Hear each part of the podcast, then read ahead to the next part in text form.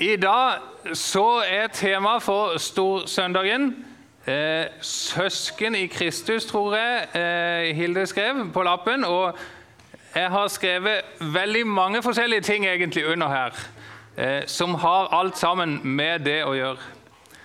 Eh, og eh, det er en viss nervøsitet forbundet med å forrette dåp. Og det er en viss nervøsitet forbundet med å skal ha en søndagspreken. Og eh, i dag så tror jeg at jeg nesten har kjent mer på den siste enn den første. I hvert fall gjennom uka, for det har liksom fulgt meg dette er temaet egentlig et par uker nå. Eh, for hvor enkelt og simpelt det høres ut, så er dette her med familie og søskenfellesskap ganske utfordrende i praksis. Og det er utfordrende å tale bibelsk rett om det, syns jeg òg. Eh, jeg måtte finne et bilde, for det er jo tross alt stor søndag. Eh, jeg vet ikke om dere ser det. Er det noe lys som skal dempes kanskje i, eh, i framkant der? Jeg har et sånt lite indonesisk gen, og da må jeg liksom få med meg litt av hverdagen derifra. Så her er det en indonesisk familie på moped. Eh, og De er på det stadiet der vi begynner å tenke karavelle, men de tenker hvordan skal vi få plass til neste ungen på mopeden? Og eh, Kanskje kan det lære oss et og annet om det med søskenfellesskapet i Kristus òg. Eh, vi er en stor familie sammen på mange måter. Og så er det noe å si om det, både om hvordan vi blir det, hva vi må gjøre for å, for, å, for å, slutte å bli det, eller for å ikke slutte å bli det, eh, og hvilke forhold det er i en sånn familie. Eh, og Nå tenkte jeg vi skal begynne her. Det har vi akkurat vært igjennom. Inngangen til livet med Gud. Inngangen i det kristne søskenfellesskapet. Her er det ikke Hanna, men det er en annen eh, baby som blir døpt og kommer for å gå inn i dette livet. Og Så tok jeg med dette bildet òg. Det er en baby som ikke har blitt født ennå, men som òg er på vei en slags, til en slags inngang til dette livet. Og Er ikke det litt fint egentlig at det er når Gud han på en måte ordinerte hvordan vi skulle ta nye inn i det kristne livet? Så er det nesten litt av det samme som skjer ved inngangen til dette livet, eller til det jordiske livet. Det er gjennom vannet vi blir født til liv, og så er det gjennom Guds ord. Og Så er det en del bilder på dette i Bibelen. Et av bildene det kan vi se her. Det kan vi faktisk omtale som israelsfolkets dåp. Eh, det bildet det ligger der gjennom Det gamle testamentet, men det er sagt òg eksplisitt i 1. Korinterbrev 10, vers 2. Alle ble døpt til Moses i skyen og i havet, står det der. Dåpen, inngangen til det kristne livet, inngangen til søskenfellesskapet som vi har som Guds barn. Det ligger det forbilde på og gjennom israelsfolkets historie. Her var dette bibelverset. Og Så kommer det faktisk noe før denne hendelsen òg i israelsfolkets historie. Det er en dåp som skjer ikke for et helt folk, men for én person på et tidligere tidspunkt. Og i den samme Moses sitt liv helt ifra begynnelsen. Noen husker hva jeg tenker på hvis de ser dette bildet. Her er det Moses som blir døpt, egentlig, kan vi si.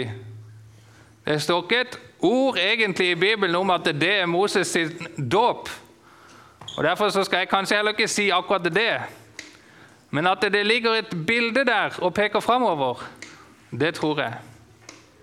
Og Så er det noe som er litt fint å tenke på med den dåpen der.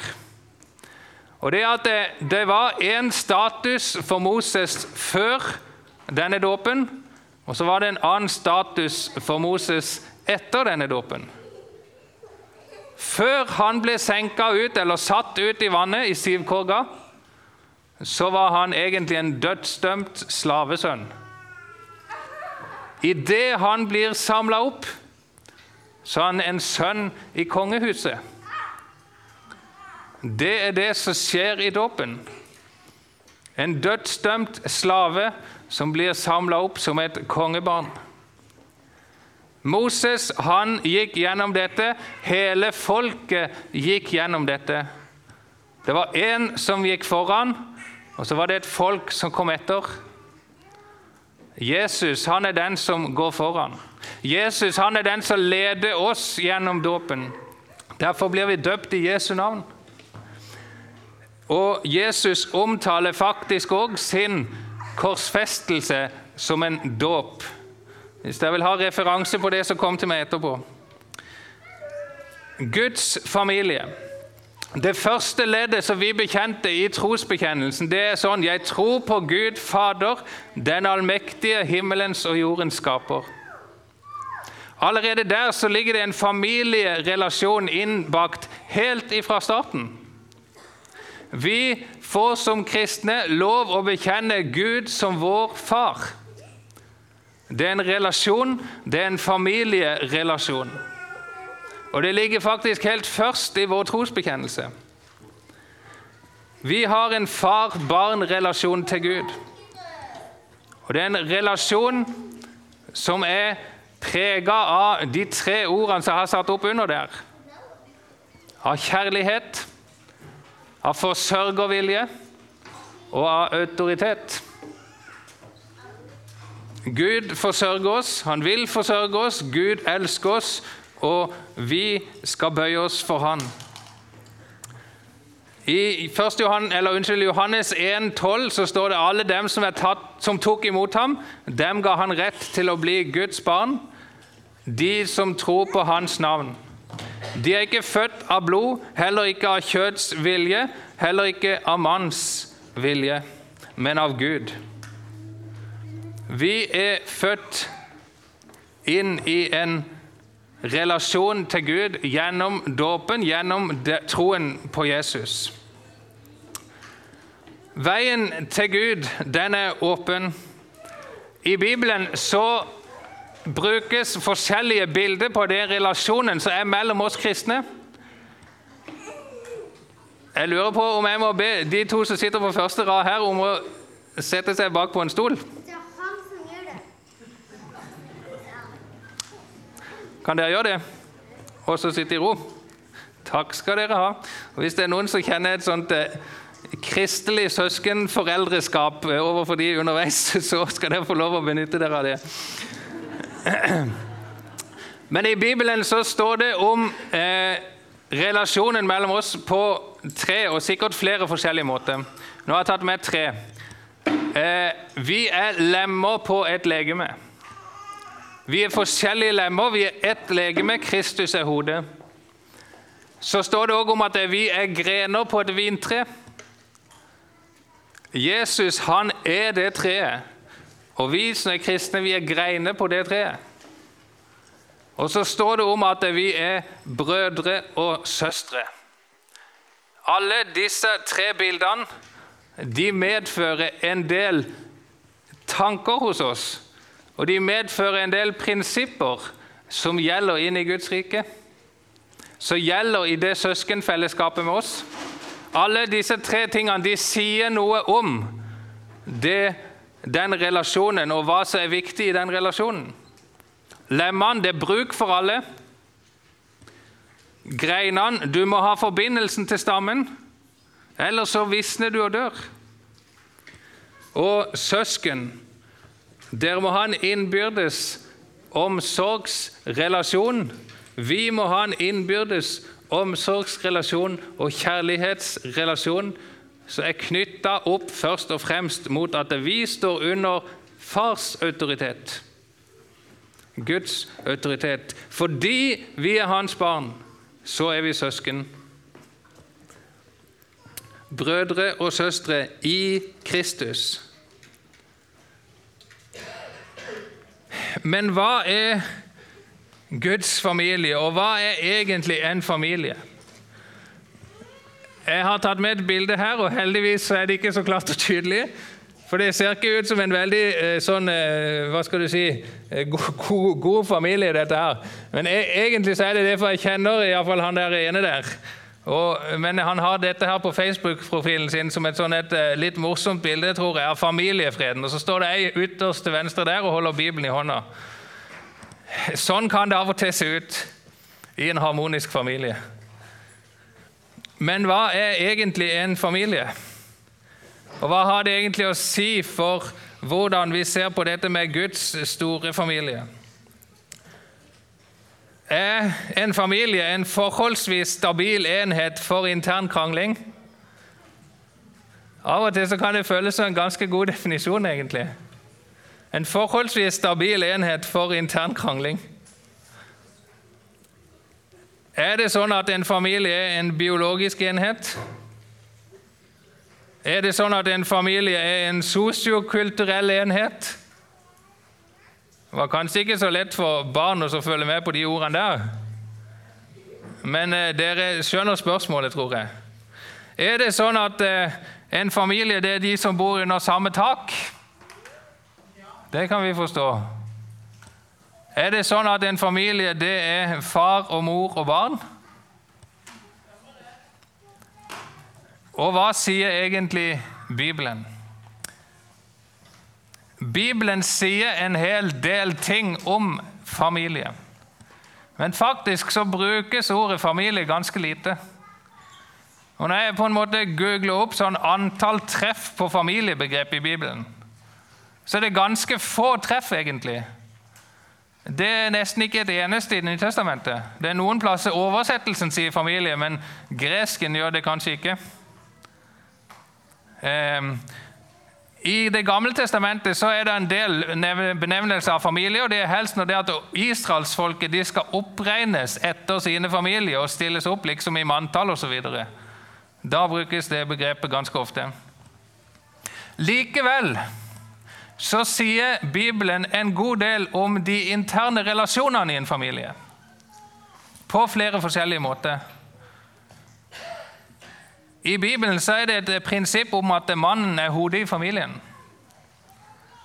I Bibelen er det også et prinsipp om at kvinnen er mannens hjelper, som er hans like. Det ligger der helt ifra skapelsen. I Bibelen er det et prinsipp om at barna de har far et ansvar for å oppdra. Det betyr ikke at mor ikke skal være med i det ansvaret, men han har hovedansvaret. Og så er det også et prinsipp om at barna skal respektere og være lydige og ære sine foreldre. Der er det ikke bare far, men det er foreldre. Dette er noen bibelske prinsipper som ligger i bånn, og som ligger som idealet for oss. Og så vet vi at verden er full av ufullkomne familier. Verden er full av ufullkomne familier. Og det er fordi at alle vi, vi lever etter syndefallet. Vi lever i en syndefallsverden, en verden der syndefallet er en realitet, ikke bare rundt oss, men i oss. Og Derfor tror jeg at dette med familiebegrepet det er akkurat som du, Hvis du kommer borti det, så kommer du borti en sånn, en, en sånn en brennende eh, eller sånn varm plate på komfyren. Det er liksom, Du må helst ikke touche borti det ordet der, fordi at da er det et eller annet som svir nesten uansett. Det er litt sånn, og kanskje har det blitt enda mer sånn i det samfunnet som vi lever i i Norge i dag. Men jeg har lyst til å slå fast en ting som jeg mener har 100% bibelsk belegg for. Og det er at absolutt alle familier som er her til stede i Misjonshuset, som fins i denne verden, de er ufullkomne. Det fins ikke den fullkomne familien her i verden. Noen familier de er brutte, f.eks. ved skilsmisse eller ved død.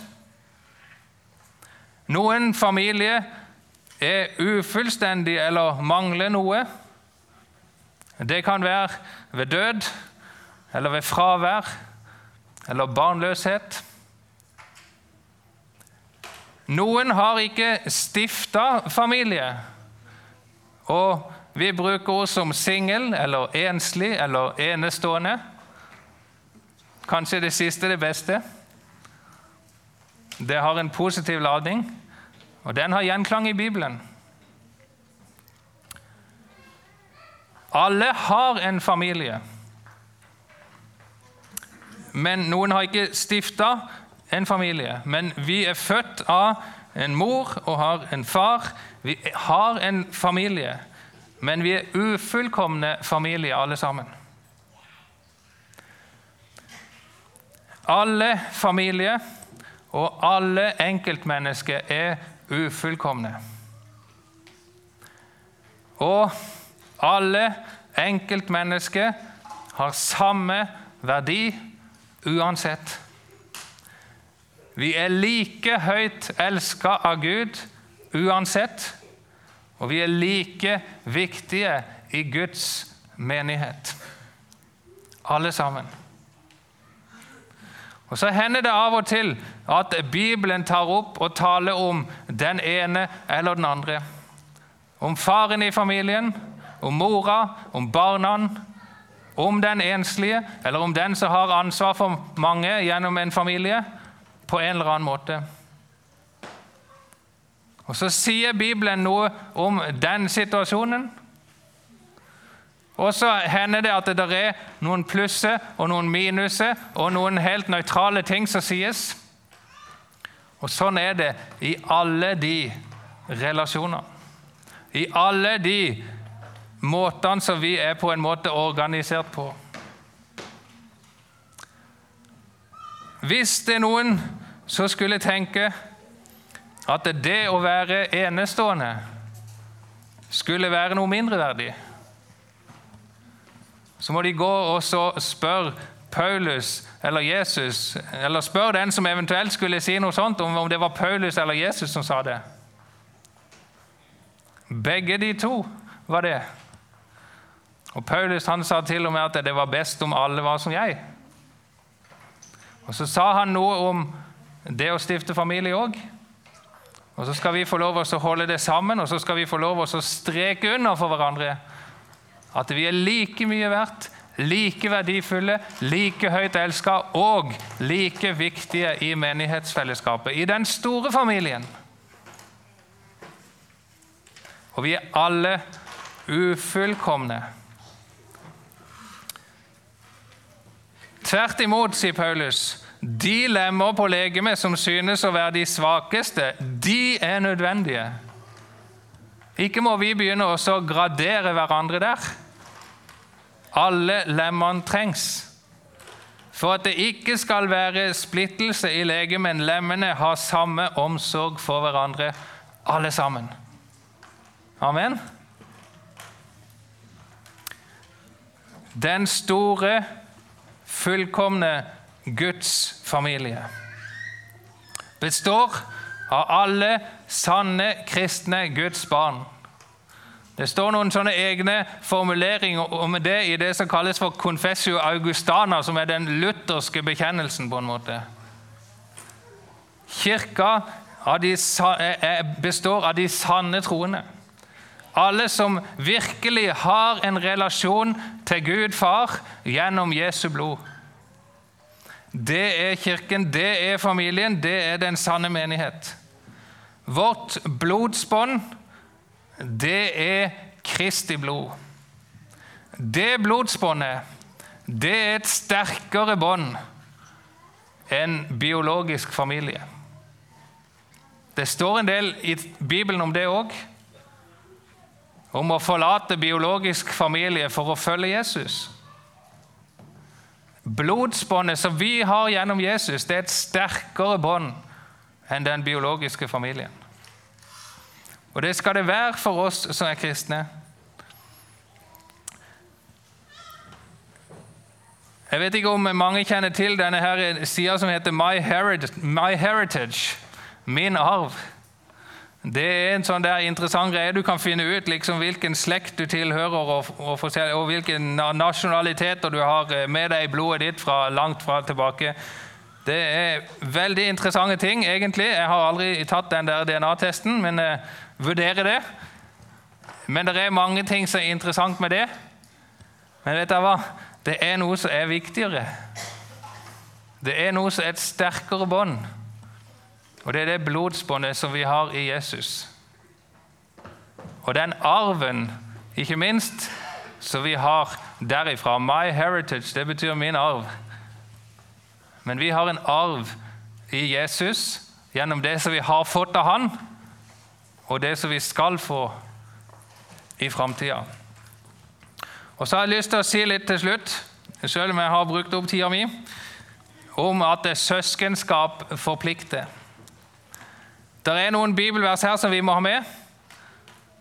På dette kan Guds barn og djevelens barn kjennes. Hver den som ikke gjør rettferdighet, er ikke av Gud, heller ikke den som ikke elsker sin bror. For dette er det budskapet som dere hørte fra begynnelsen, at vi skal elske hverandre. Søskenskap i Guds rike, det forplikter. Vi skal elske hverandre. 1. Johannes 3, 16. På dette har vi lært kjærligheten å kjenne, at Han satte livet til for oss. Også vi skylder å sette livet til for brødrene. Også vi skylder å sette livet til for brødrene. For Vi har hørt om deres tro på Jesus Kristus, om den kjærligheten dere har til alle de hellige.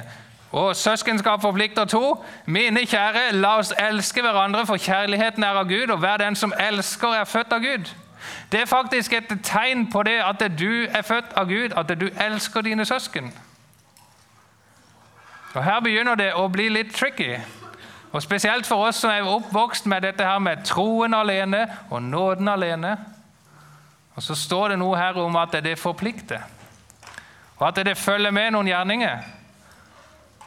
Og vet du hva jeg la merke til? At når Hanna ble døpt, så sto det til og med noe i dåpsliturgien om å lære opp til å gå den veien og til å være i lydighet, vokse i lydighet mot Kristus. Vi som er kristne, vi skal vokse i lydighet mot Kristus. Og Det handler bl.a. om å elske hverandre.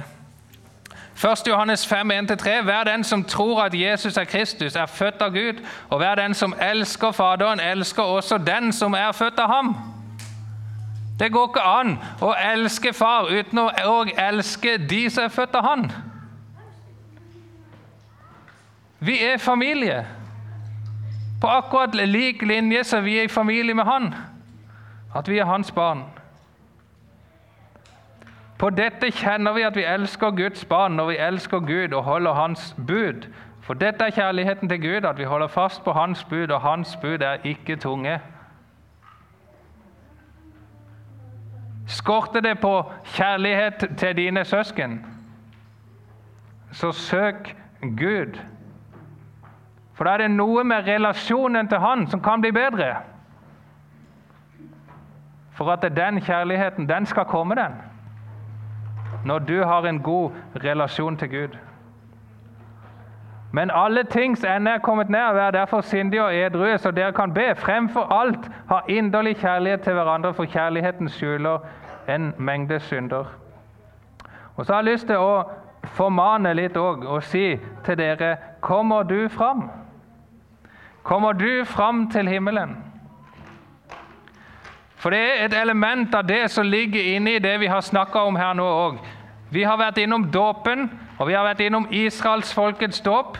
Og her i 1. Korinterbrev 10, som vi leste ifra, så står det om den dåpen. Og så står det at alle ble døpt i Moses, eller til Moses i skyen og i havet. Og de spiste det samme, de åt det samme, de drakk det samme osv. Men, sier Paulus, ikke alle kom fram til Kanaan. Ikke alle kom fram til Kanaan. Men han sier de fleste ble slått ned i ørkenen. Og vi vet av historien at det var bare noen få som kom fram. Det var nesten ingen. Så var det barna de sine som gikk inn i Kanaan. Det er alvorlig for oss som døper og blir døpt, at ikke alle kommer fram. Og ikke minst så gjør det det viktig at vi som søsken tar vare på hverandre.